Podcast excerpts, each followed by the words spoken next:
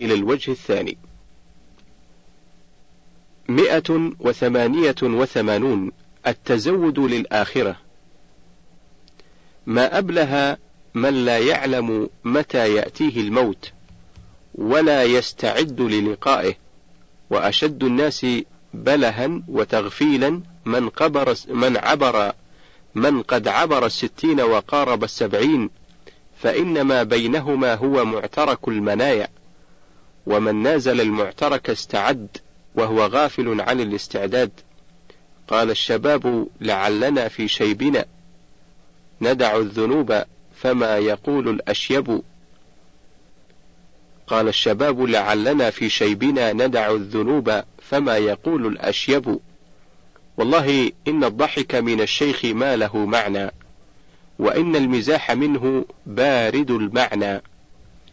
وإن, تعر وإن تعرضه بالدنيا وقد دفعته عنها يضعف القوى ويضعف الرأي. وهل بقي لابن ستين منزل؟ فإن طمع في السبعين فإنما يرتقي إليها بعناء شديد. إن قام دفع الأرض وإن مشى لهث وإن قعد تنفس ويرى شهوات الدنيا ولا يقدر على تناولها. فإن أكل كد المعدة وصعب الهضم وإن وطئ آذى المرأة ووقع دنفا لا يقدر على رد ما ذهب من القوة إلى مدة طويلة. فهو يعيش عيش الأسير فإن طمع في الثمانين فهو يزحف إليها زحف الصغير. وعشر الثمانين من خاضها فإن للممات فيها فنون. فالعاقل من فهم مقادير الزمان فإنه فيما قيل قبل البلوغ صبي ليس على عمره عيار إلا أن يرزق فطنة ففي بعض الصبيان فطنة تحثهم من الصغر على اكتساب المكارم والعلوم فإذا بلغ فليعلم أنه زمان المجاهدة للهوى وتعلم العلم. فإذا رزق الأولاد فهو زمان الكسب للمعاملة فإذا بلغ الأربعين انتهى تمامه وقضى مناسك الأجل ولم يبق إلا الانحدار إلى الوطن. كان الفتى يرقى من العمر كأن الفتى يرقى من العمر سلما إلى أن يجوز الأربعين وينحط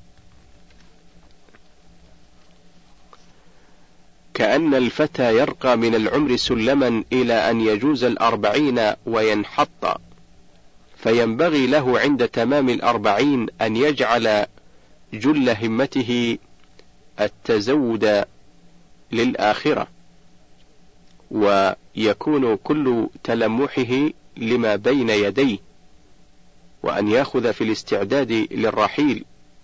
وإن كان الخطاب بهذا لابن عشرين إلا أن رجاء التدارك في حق الصغير لا في حق الكبير فإذا بلغ الستين فقد أعذر الله إليه في الأجل وجاز من الزمن فليقبل فليقبل بكليته إلى جمع زاده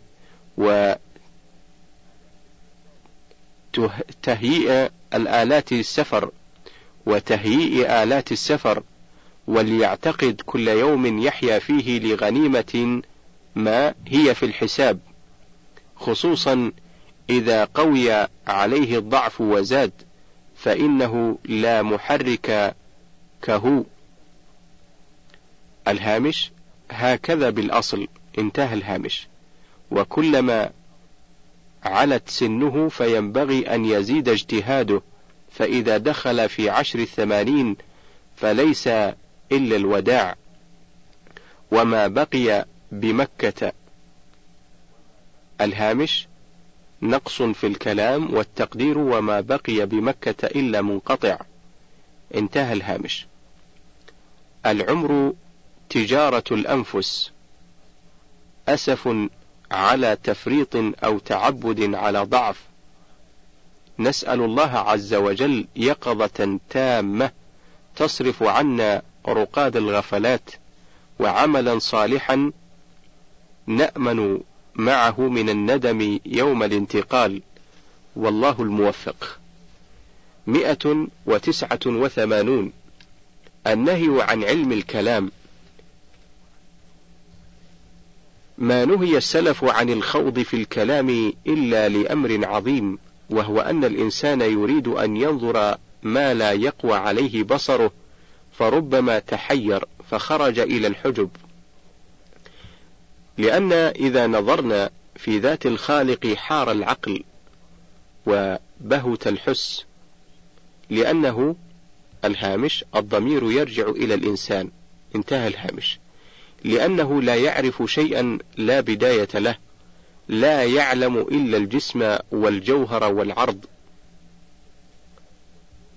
لأنه لا يعلم إلا الجسم والجوهر والعرض. فإثبات ما يخرج عن ذاك لا يفهمه. فإثبات ما يخرج عن ذاك لا يفهمه. وإذا نظرنا في أفعاله رأيناه يحكم البناء ثم ينقضه. ولا نطلع على تلك الحكمة. فالأولى للعاقل أن يكف كف التطلع إلى ما لا يطيق النظر إليه. ومتى قام العقل فنظر في دليل وجود الخالق بمصنوعاته وأجاز بعثة نبي واستدل بمعجزاته كفاه ذلك أن يتعرض لما قد أغنى عنه. وإذا قال القرآن كلام الله تعالى بدليل قوله وإذا قال القرآن كلام الله تعالى بدليل قوله حتى يسمع كلام الله كفاه. وأما من تحذلق فقال التلاوة هي المتلو أو غير المتلو والقراءة هي المقروء أو غير المقروء فيضيع الزمان في غير تحصيل.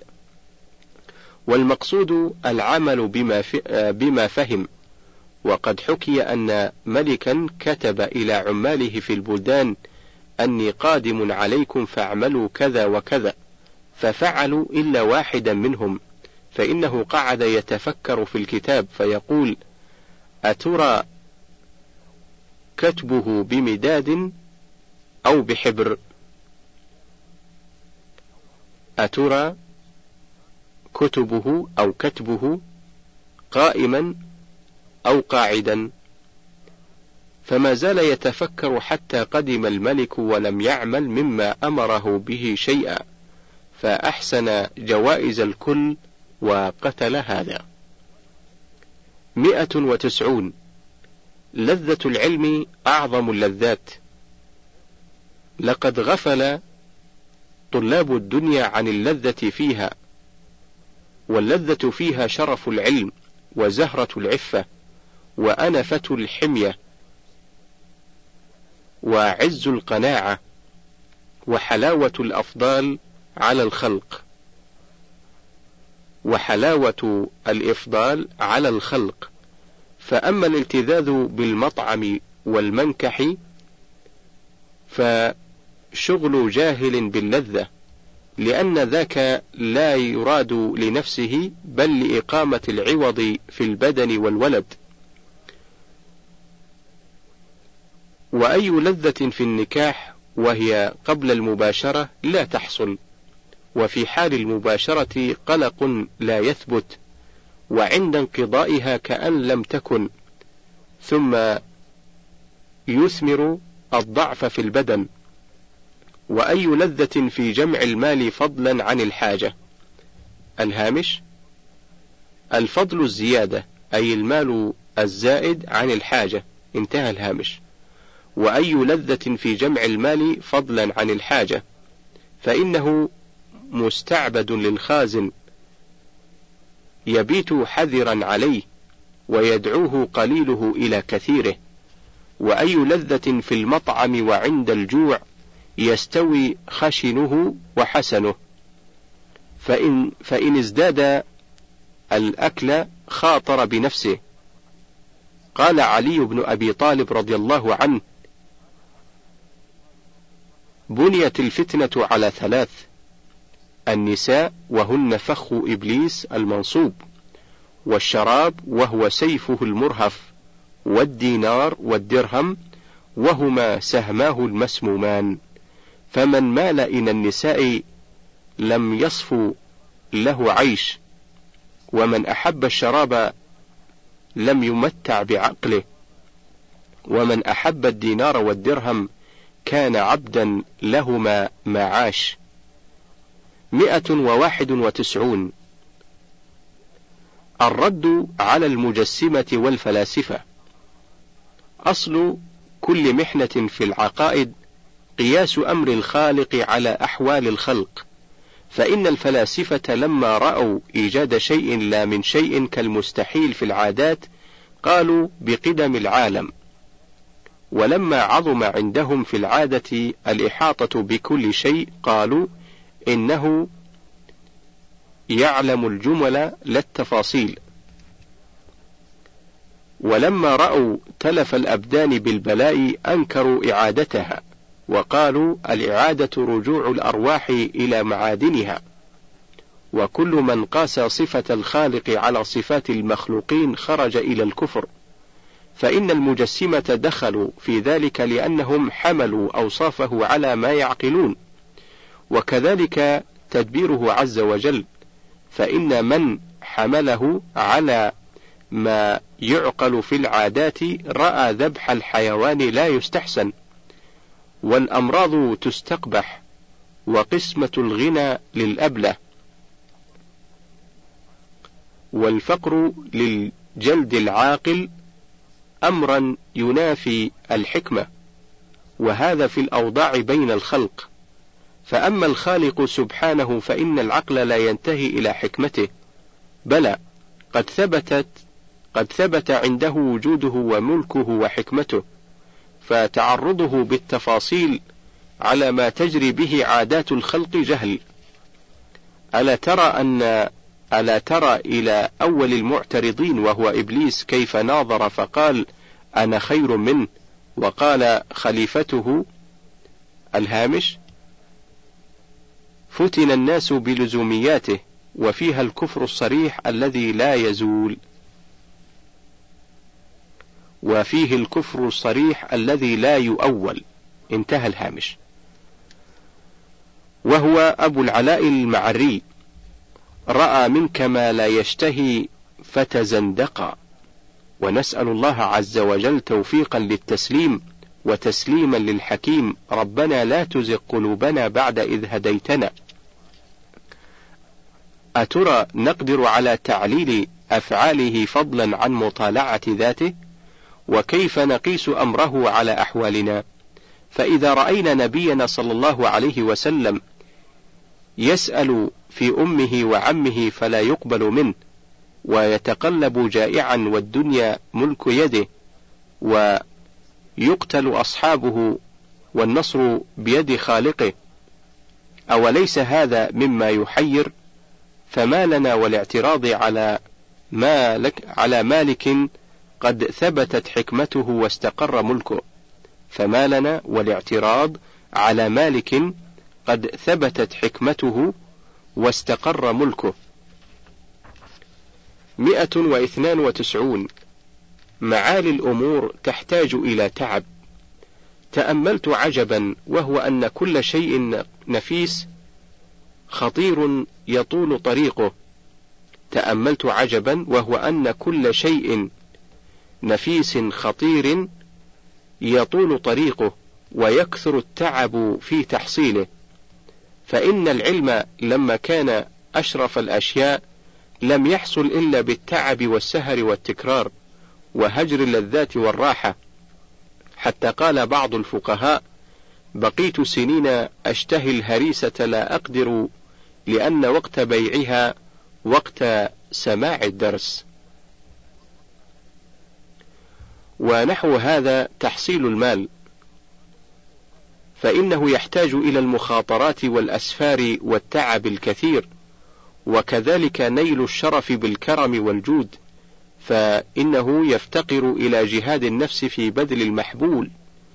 فإنه يفتقر إلى جهاد النفس في بذل المحبوب وربما آل إلى الفقر وكذلك الشجاعة فإنها لا تحصل إلا بالمخاطرة بالنفس. قال الشاعر الهامش المتنبي وفي شعره ضلالات وإن لم يبلغ فيها مبلغ شيخ المعرة ولا الشاعر الكافر ابن هانئ. انتهى الهامش. لولا المشقة ساد الناس كلهم لولا المشقة ساد الناس كلهم الجود يفقر والإقدام قتال لولا المشقة ساد الناس كلهم الجود يفقر والإقدام قتال ومن هذا الفن تحصيل الثواب في الآخرة. فإنه يزيد على قدر قوة الاجتهاد والتعبد أو على قدر وقع المبذول من المال في النفس أو على قدر الصبر على فقد المحبوب ومنع النفس من الجزع.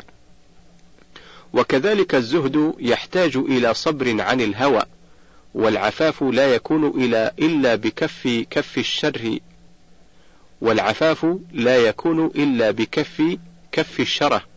ولولا ما عانى يوسف عليه السلام ما قيل له أيها الصديق.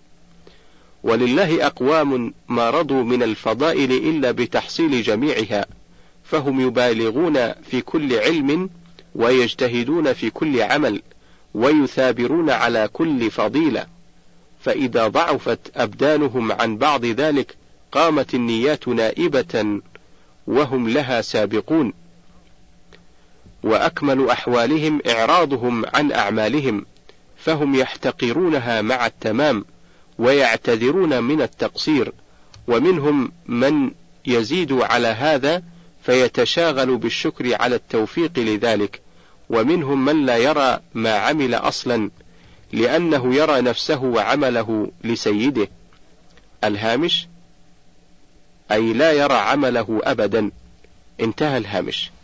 وبالعكس من المذكور من أرباب الاجتهاد حال أهل الكسل والشره والشهوات فلئن التذوا بعاجل الراحة لقد أوجبت ما يزيد على كل تعب من الأسف والحسرة.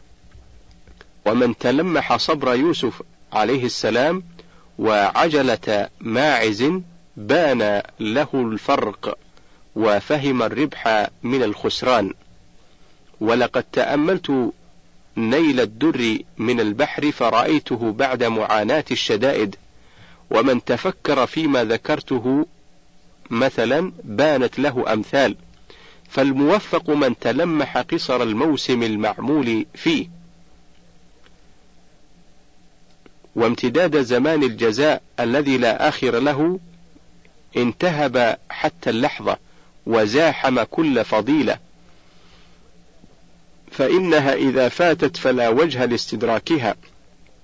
أوليس في الحديث يقال للرجل اقرأ وارق فإن فمنزلك عند آخر آية تقرأها؟ فلو أن الفكر عمل في هذا حق العمل حفظ القرآن عاجلا. مئة وثلاثة وتسعون. كمال الإيمان. ليس المؤمن بالذي يؤدي فرائض العبادات صورة ويتجنب المحظورات فحسب إنما المؤمن هو الكامل الإيمان ولا يختلج في قلبه اعتراض ولا يساكن فيما يجري وسوسة. وكلما اشتد البلاء عليه زاد إيمانه وقوي تسليمه وقد يدعو فلا يرى للإجابة أثرا. وسره لا يتغير لأنه يعلم أنه مملوك وله مالك يتصرف بمقتضى إرادته. فإن اختلج في قلبه اعتراض خرج من مقام العبودية إلى مقام المناظرة كما جرى لإبليس. والإيمان القوي يبين أثره عند قوة البلاء. فأما إذا رأينا مثل يحيى بن زكريا فأما إذا رأينا مثل يحيى بن زكريا تسلط عليه فاجر فيأمر بذبحه فيذبح. وربما اختلج في الطبع أن يقول فهلا رد عنه من جعله نبيا؟ وكذلك كل تسلط من الكفار على الأنبياء والمؤمنين وما وقع رد عنهم. فإن هجس بالفكر أن القدرة تعجز عن الرد عنهم كان كفرا. وإن علم أن القدرة متمكنة من الرد وما ردت ويجوع المؤمنين ويشبع الكفار ويجوع المؤمنين ويشبع الكفار ويعافي العصاة ويمرض المتقين لم يبق إلا التسليم للمالك. وإن أمض وأرمض وإن أمض وأرمض وقد ذهب يوسف ابن يعقوب عليهم عليهما السلام فبكى يعقوب ثمانين سنة ثمانين سنة ولم ييأس فقال عسى الله أن يأتيني بهم جميعا. وقد دعا موسى عليه السلام على فرعون فأجيب بعد أربعين سنة وكان يذبح الأنبياء ولا ترده القدرة القديمة العظيمة. وصلب السحرة وقطع أيديهم. وكان وكم من بلية نزلت بمعظم القدر فما زاده ذلك إلا تسليما ورضا. فهناك يبين معنى قوله ورضوا عنه وها هنا يظهر قدر قوة الإيمان لا في ركعات؟ قال الحسن البصري. استوى الناس في العافية فإذا نزل البلاء تباينوا. مئة وأربعة وتسعون. الرد على علماء الكلام. أضر ما على العوام المتكلمون فإنهم يخبطون عقائدهم بما يسمعونه منهم. فمن أقبح الأشياء من أقبح الأشياء أن يحضر العامي الذي لا يعرف أركان الصلاة ولا الربا في البيع.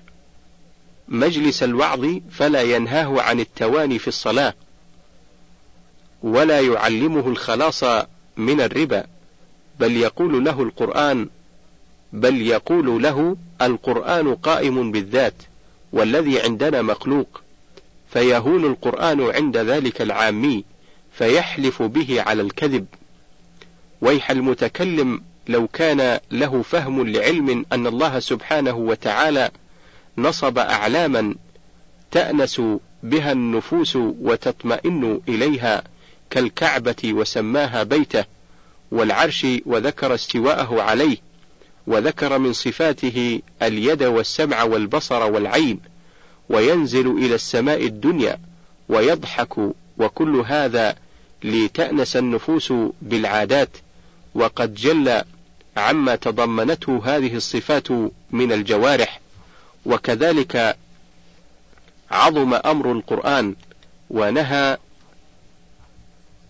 المحدث ونهى المحدث أن يمس المصحف فآل الأمر بقوم من المتكلمين إلى أن أجازوا الاستنجاء به فهؤلاء على معاندة الشريعة. لأنهم يهينون ما عظم الشرع وهو الإيغال في الكلام مما يقرب إلى معرفة الحقائق التي لا يمكن خلافها. هيهات لو كان كذلك ما وقع بين المتكلمين خلاف أوليس الشرب الأول وما تكلموا في شيء من هذا؟ وإن كانوا تعرضوا ببعض الأصول ثم جاء فقهاء الأمصار فنهوا عن الخوض في الكلام لعلمهم ما يجلب وما يجتنب. لعلمهم ما يجلب وما يجتنب ومن لم يقنع بعقيدة مثل الصحابة ولا بطريق مثل طريق أحمد والشافعي في ترك الخوض فلا كان من كان. الهامش أي كائنا من كان. انتهى الهامش. ثم بالله تأملوا. أليس قد وجب علينا هجر الربا بقوله تعالى لا تأكلوا الربا وهجر الزنا بقوله ولا تقربوا الزنا؟ فأي فائدة لنا في ذكر قراءة ومقروءة وتلاوة ومتلو وقديم ومحدث؟ الهامش وإن العلو حقيقي أو مجازي واليد هي القدرة أو هي على ظاهرها. انتهى الهامش. فإن قيل فلا بد من اعتقاد قلنا طريق السلف أوضح محجة لأن لا نقوله تقليدا بل بالدليل ولكن لم نستفده عن جوهر وعرض وجزء لا يتجزأ. بل بأدلة النقل مع مساعدة العقل من غير بحث عما لا يحتاج إليه وليس هذا مكان الشرح. مئة وخمسة وتسعون. لا ينبغي الحزن للموت. ما زلت على عادة الخلق في الحزن على من يموت من الأهل والأولاد ولا أتخيل إلا بلي الأبدان في القبور فأحزن لذلك. فمرت بي أحاديث كانت تمر بي ولا أتفكر فيها. منها قول النبي صلى الله عليه وسلم إنما نفس المؤمن طائر تعلق في شجرة الجنة حتى يرده الله عز وجل إلى جسده يوم يبعثه. فرأيت أن الرحيل إلى الراحة وأن هذا البدن ليس بشيء لأنه مركب تفكك وفسد. وسيبنى جديدا يوم البعث فلا ينبغي أن يتفكر فلا ينبغي أن يتفكر في بلاه. ولتسكن النفس إلى أن الأرواح انتقلت إلى راحة فلا يبقى كبير حزن وأن اللقاء للأحباب عن قرب وإنما يبقى الأسف لتعلق الخلق بالصور. فلا يرى الإنسان إلا جسدا مستحسنا قد نقض فيحزن لنقضه.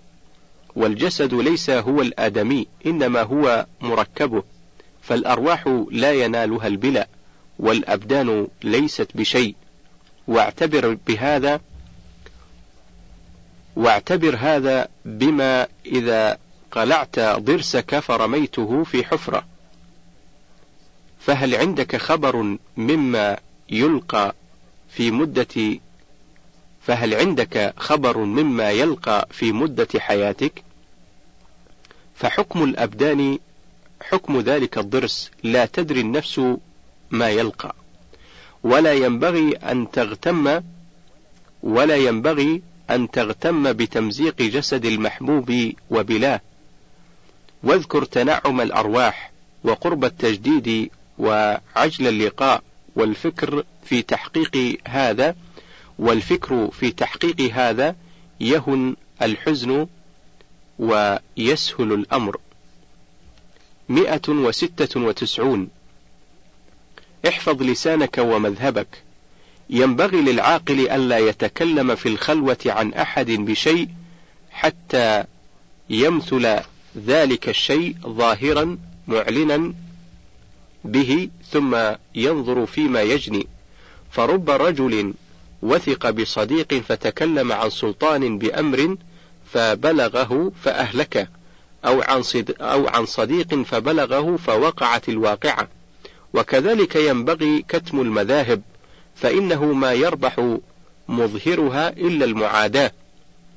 ولما صرح الشريف أبو جعفر في زمان المقتدي بمخالفة الأشاعرة أخذ وحبس حتى مات وكان المقصود قطع الفتن وإصلاح الرعية فإنه أهم إلى السلطان من التعصب لمذهب. مئة وسبعة وتسعون حكمة الأقدار. رأيت كثيرا من المتغفلين يظهر عليهم السخط بالأقدار أو السخط بالأقدار وفيهم من قل إيمانه فأخذ يعترض وفيهم من خرج إلى الكفر ورأى أن ما يجري كالعبث وقال ما فائدة الإعدام بعد الإيجاد والابتلاء ممن هو غني عن أذانا. فقلت لبعض من كان يرمز فقلت لبعض من كان يرمز إلى هذا إن حضر عقلك وقلبك حدثتك وإن كنت تتكلم بمجرد واقعك من غير نظر وإنصاف فالحديث معك ضائع. ويحك أحضر عقلك واسمع ما أقول. أليس قد ثبت أن الحق سبحانه مالك؟ وللمالك أن يتصرف كيف يشاء. أليس قد ثبت أنه حكيم والحكيم لا يعبث؟ وأنا أعلم أن في نفسك من هذه الكلمة شيئا فإنه قد سمعنا عن جالينوس أنه قال ما أدري أحكيم هو أم لا؟ والسبب في قوله هذا أنه رأى نقضا بعد إحكام فقاس الحال على أحوال الخلق وهو أن من بنى ثم نقض لا لمعنى فليس بحكيم وهو أن من بنى ثم نقض لا لمعنى فليس بحكيم. وجوابه لو كان حاضرا أن يقال بماذا بان لك أن النقض ليس بحكمة؟ أليس بعقلك الذي وهبه الصانع لك؟ وكيف يهب لك الذهن الكامل ويفوته هو الكمال؟ الهامش هذا جواب عظيم رحمة الله على المؤلف. انتهى الهامش. وهذه المحنة التي جرت لإبليس فإنه أخذ يعيب الحكمة بعقله فلو تفكر علم أن واهب العقل أعلى من العقل وأن حكمته أوفى من كل حكيم لأنه بحكمته التامة أنشأ العقول. فهذا إذا تأمله المنصف زال عنه الشك. وقد أشار سبحانه إلى نحو هذا في قوله تعالى أله البنات ولكم البنون؟ أي جعل لنفسه الناقصات وأعطاكم الكاملين؟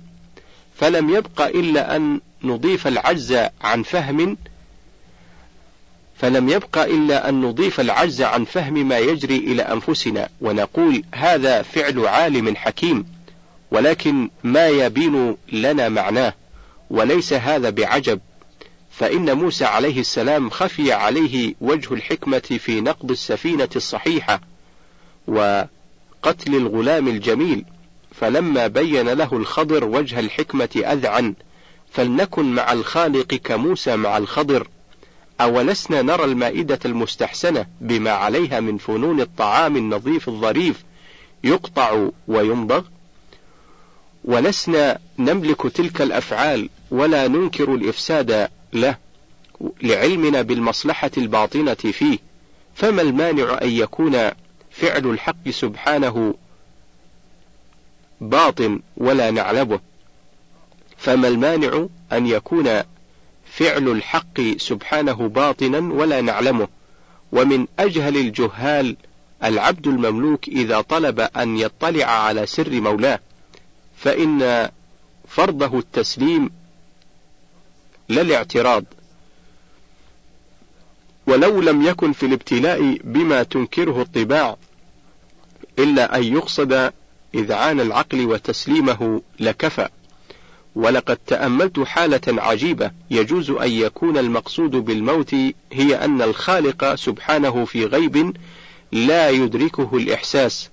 فلو أنه لم ينقض هذه البنية لتخيل للإنسان أنه صنع لا بصانع. لتخايل للإنسان أنه صنع لا بصانع أو أنه صنع لا بصانع. فإذا وقع الموت عرفت النفس نفسها التي كانت لا تعرفها لكونها في الجسد وتدرك عجائب الأمور بعد رحيلها.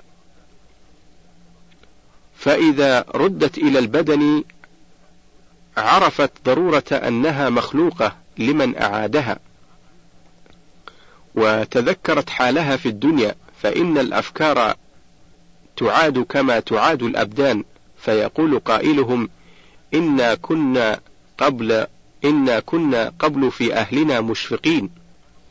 ومتى رأت ما قد وعدت به من أمور الآخرة أيقنت يقينا لا شك معه.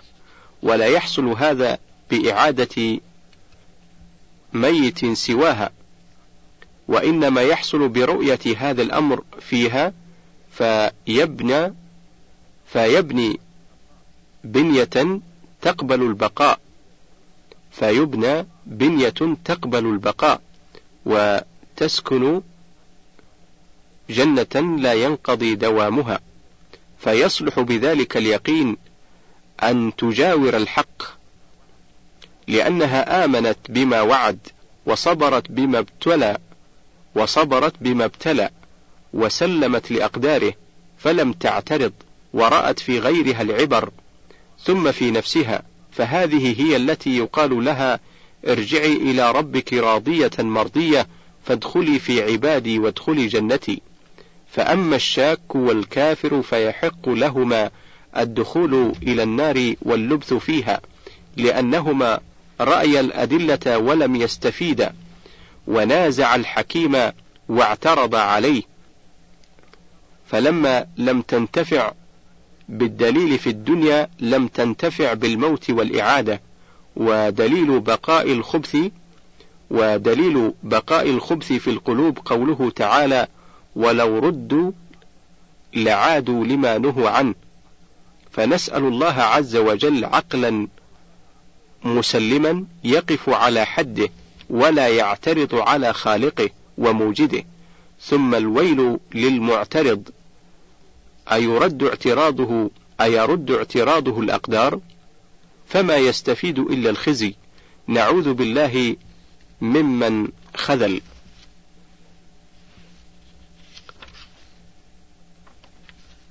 مئة وثمانية وتسعون. الصبر على المرض والموت. لا ينبغي للمؤمن أن ينزعج من مرض أو نزول موت وإن كان الطبع لا يملك.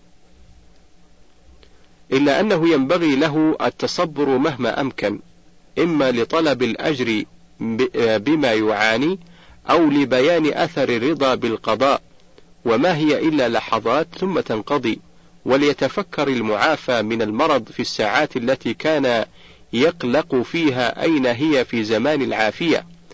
ذهب البلاء وحصل الثواب كما تذهب حلاوة اللذات المحرمة ويبقى الوزر.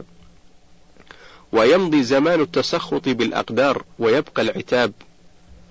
وهل الموت إلا آلام تزيد فتعجز النفس عن حملها فتذهب؟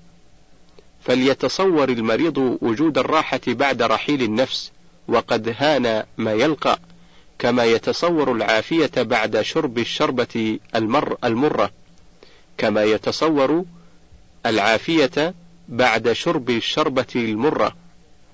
ولا ينبغي أن يقع جزع بذكر البلى فإن ذلك شأن المركب. الهامش يعني الجسد انتهى الهامش.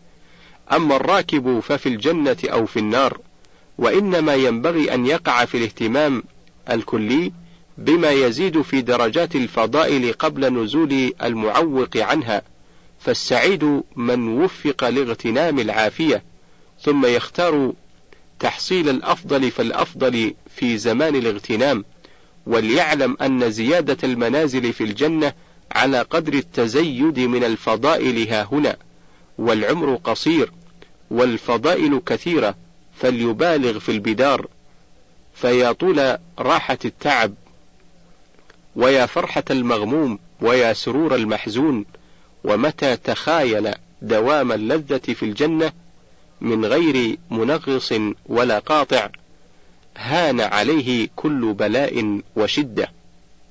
مئة وتسعة وتسعون. ينبغي التلطف بالبدن بنوع غفلة عن الموت. حضرنا يوما جنازة شاب مات أحسن ما كانت الدنيا له. فرأيت من ذم الناس للدنيا. وعيب من سكن إليها. والتقبيح للغافلين عن الاستعداد لهذا المصرع أمرا كبيرا من الحاضرين.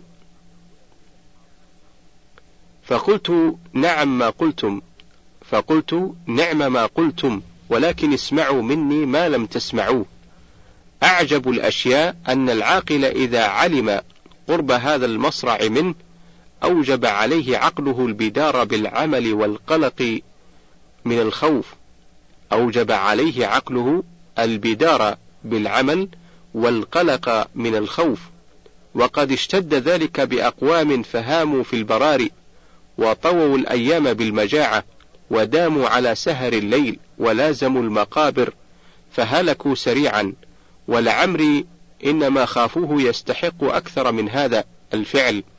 ولكن نرى العقل الذي أوجب هذا القلق قد أمر بما يوجب السكون فقال إنما خلق هذا البدن ليحمل النفس كما تحمل الناقة الراكب ولا بد من التلطف بالناقة ليحصل المقصود من السير ولا يحسن في العقل دوام السهر وطول القلق لأنه يؤثر في البدن فيفوت أكثر المقصود.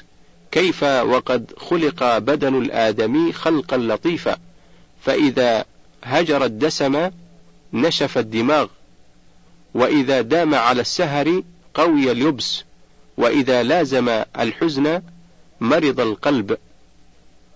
فلا بد من التلطف بالبدن بتناول ما يصلحه وبالقلب بما يدفع الحزن المؤذي له.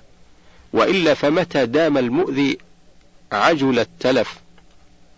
ثم يأتي الشرع بما قد قاله العقل فيقول إن لنفسك عليك حقا وإن لزوجك عليك حقا فصم وافطر وقم ونم. وقم ونم ويقول كفى بالمرء إثما أن يضيع من يقوت ويحث على النكاح. ودوام القلق واليبس يترك الزوجة كالأرملة والولد كاليتيم ولا وجه للتشاغل بالعلم مع هذا القلق. ومن أراد مصداق ما قلته فليتأمل حالة الرسول صلى الله عليه وسلم. فإنه كان يعدل ما عنده من الخوف فيمازح ويسابق عائشة ويكثر من التزوج وكان يتلطف ببدنه فيختار الماء البائت. الهامش لأنه يصفو بترسب ما قد يكون فيه من العكر. انتهى الهامش. فيختار الماء البائت ويحب الحلوى واللحم ولولا مساكنة نوع غفلة لما صنف العلماء ولا حفظ العلم ولا كتب الحديث لأن من يقول ربما مت اليوم كيف يكتب وكيف يسمع ويصنف فلا يهولنكم ما ترون من غفلة الناس عن ذكر الموت حق ذكره فإنها نعمة من الله سبحانه بها تقوم الدنيا ويصلح الدين وإنما تذم قوة الغفلة الموجبة للتفريط والإهمال للمحاسبة للنفس وتضييع الزمان في غير التزود وربما قويت فحملت أو فحملت على المعاصي فأما إذا كانت بقدر كانت كالملح في الطعام لا بد منه. فإن كثر صار الطعام زعافا فالغفلة تمدح إذا كانت بقدر كما بينا. ومتى زادت وقع الذم فافهم ما قلته. ولا تقل فلان شديد اليقظة ما ينام الليل وفلان غافل ينام أكثر الليل. فإن غفلة توجب مصلحة البدن والقلب لا تذم والسلام. انتهى الشريط الحادي عشر وننتقل إلى الشريط الثاني عشر.